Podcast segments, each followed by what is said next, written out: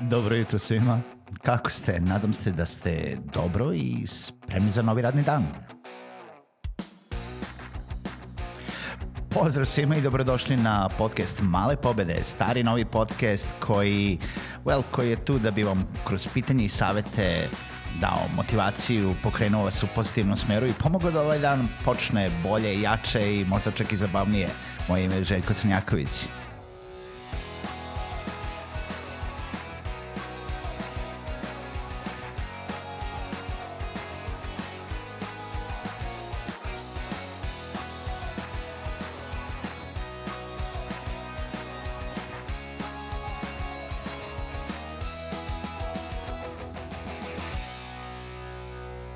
Pozdrav svima, dobro jutro i dobrodošli u još jednu epizodu podcasta Male pobede. Moje ime je Željko Crnjaković i veoma mi je drago da se sa mnom i ovog dana, više ne da kažem jutra, uh, i da slušate uh, Male pobede podcast. Nemojte zaboraviti da posetite malepobede.rs ili da se prijavite na bilo koju distributera iTunes, Google, Spotify, um, Stitcher, SoundCloud ili tako nešto i da postanete subscriber e, na podcastu, tako ćete dobijati e, jel da, notifikacije o e, svakoj novoj epizodi koja se izbacuje, a svaka epizoda vas čeka svaki radni dan od 8 sati. A, danas a, želim da želim da ispričam jednu priču. Kada sam bio tu negde na a, na faksu uh, negde početkom uh, 2000. godina jel da, bio je tu ovaj informatički smer, uh, jako puno smo radili svega i svačega, u između ostalog jako puno smo se izezali, ono, igrali smo igrice, instalirali smo razno razne programe, uh, testirali uh, novi, novu verziju programa skoro svaki dan, što baš u posljednje vreme nije, uh, nije slučaj, uh, jel da, u nekom u poslednjih godina, a, ali a, u jednom momentu zvao nas jedan prijatelj sa faksa i kazao, e, imam problem sa instalacijom jednog programa, a, ne znam tačno kako da nastavim, pa dobro, ajde, na telefonu smo, ajde, kaže nam gde si stao, mislim, generalno treba samo da klikćeš next, next, next, next, next i da ono, tipa install, promeniš ono mesto gde će to da se instalira i da se sve to završi. Ma ne, nego nije mi jasno, ovde nešto me pita i ne znam šta da uradim. Pa dobro, ajde, ne znam, čitaj, čitaj šta ti, šta ti nije jasno. I čovjek krene nešto da čita i mi se mislimo, bože, svi smo to instalirali, ne, ne znam tačno koji deo šta nam čita i čita, čovjek čita jedno, dva, tri, četiri, pet minuta dok mi nismo skontali da nam lik čita terms and services i onaj agreement user and, end user license agreement ono stavku po stavku nam je krenuo čitati ono nešto što niko od nas jel da realno ne čita nego samo gledamo gde da kliknemo agree i next zato da bi uh, jel da instalirali taj program i sad to je, to je jedno e, bilo zabavno iskustvo. Brate, mili, samo klikni na kraj next i instalirat ćeš program. I većina nas tako instalira programe, većina nas tako instalira igrice, većina nas tako počne da koristi servise, tako što uopšte ne čita uh, te end user license agreemente, terms of use, gde kompanije mogu da slože sve i svašta. Imam nedavan primer prijateljice koja je negde u sredini svojih terms and use, uh, čak izdavanja prostora, koji nije toliko dugačak kao e, jel, agreement od koji ćete naći na Facebooku, Google ili negde drugde, imala stavku da ukoliko pročitate e, jel, ovu tačku, treba da me nazovete i dobit ćete prvih mesec dana besplatno. I to se ponovilo na dva, tri mesta i jedna osoba u dve godine a, je nazvala i kazala kakav besplatan mesec. To je to čovek dobio si besplatan mesec, pročitao si i reagovao si po tome. Ali postoje ona opšta zajebancija oko toga da jednostavno bukvalno smo prepisali i uh, sva naša prava i sve naše bubrege uh, svakom uh, svakom servisu koje, s kojim smo se složili ne čitajući to. Ljudi dalje to ne čitaju. Mislim, realno, ja nisam to čitao, 99% vas nije nikad pročitalo od početka do kraja sve uh, agreemente svih servisa na koje ste, se, na koje ste pretplaćeni i za koje ste se složili u stvari da, da potpišete zato da bi koristili njihove plaćene ili besplatne usluge. Um, postoji jedan novi servis uh, koji upravo sam pročitao nešto više o njemu.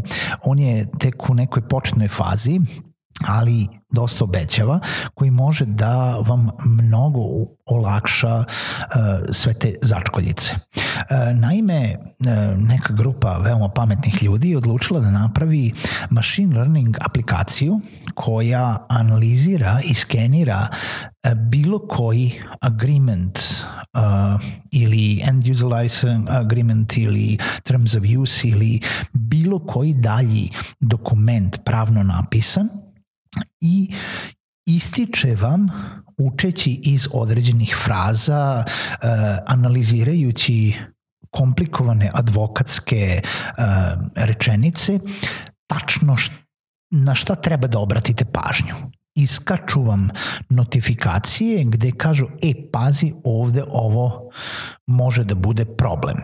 I to za sada funkcioniše, e, aplikacija kod nas trenutno još ne funkcioniše, e, napravljena je za iOS i za web, e, servis se zove Do Not Pay i nekako iz milja se zove Robot Lawyer, jel da, robot advokat koji je prvo bitno napravljen zato da proceni da li treba da plaćate ili ne plaćate uh, ove kazne za parkiranje ili kada želite da tužite nekoga isto tako na šta treba da obratite pažnju, ali sada ste odlučili da to malo promene, da uh, naprave jednu aplikaciju koja će kroz mašinsko učenje da analizira sve ove tekstove uh, i da vam uh, skrene pažnju na neke stvari e, po Verđu, sa kojeg čitam tekst i koji, za koji ću vam link ostaviti u opisu ovog maila, e, za sada funkcioniše na dosta zavidnom nivou, um, iako meni baš nije jasno jer na aplikaciji, jel da na iOS um,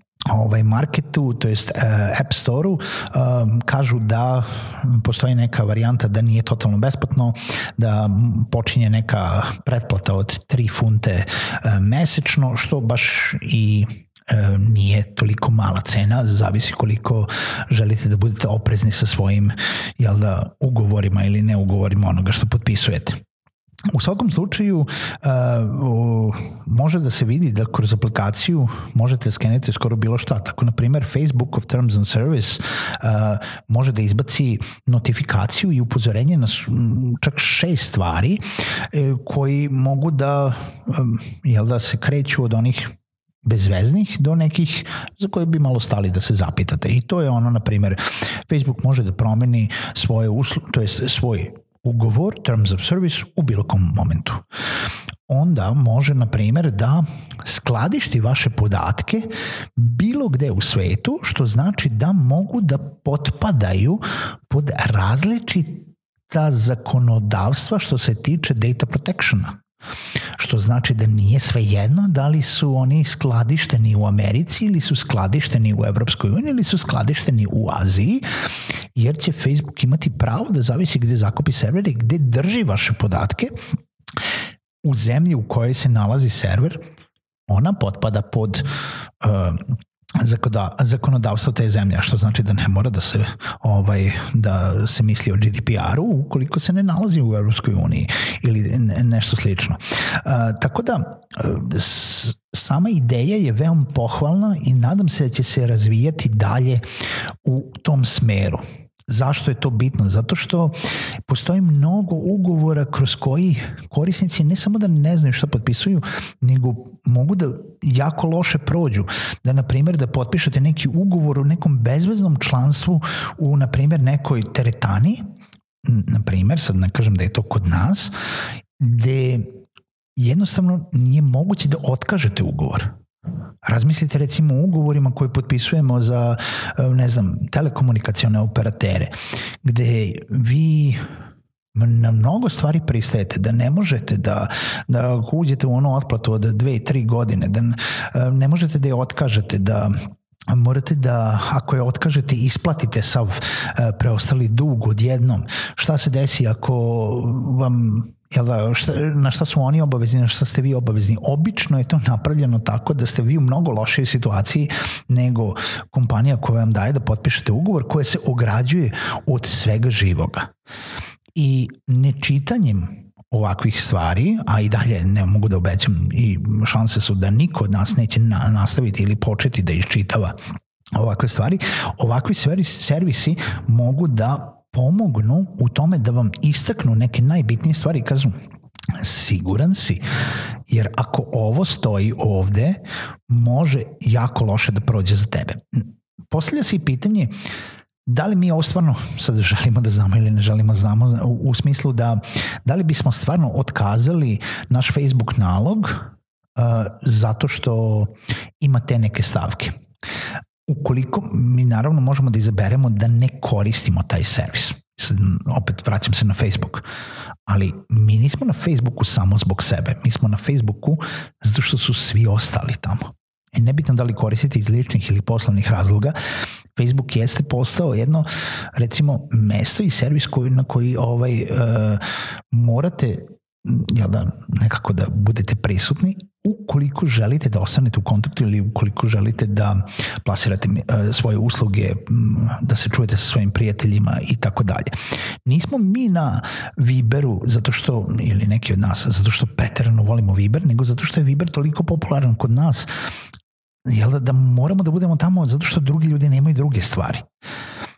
I onda neki od nas imaju i Viber, i Whatsapp, i Messenger, i ne, ne, još gomilu nekih Telegram ovaj, uh, servisa, zato što različiti ljudi sa različitih, uh, jel da, mislim, sa kojima komuniciramo, koriste različite stvari. Uh, pa se svi prilagođavamo svakome. Tako da servis je izuzetno pohvalan i za neke stvari gde ne morate nužno da budete, nije loše da ovaj, postoji ovako nešto što vas može upozoriti na neke pa, diskutabilne stavke u, u, u veoma komplikovanim i veoma zakukuljenim uh, ugovorima koje treba da potpišemo ili sa čime treba da se složimo pre što počnemo da koristimo taj servis čekirajte, do not pay, ostavit ću linkove i za vest i za aplikaciju u opisu ovog podcasta. Čujemo se u nekoj narednoj epizodi.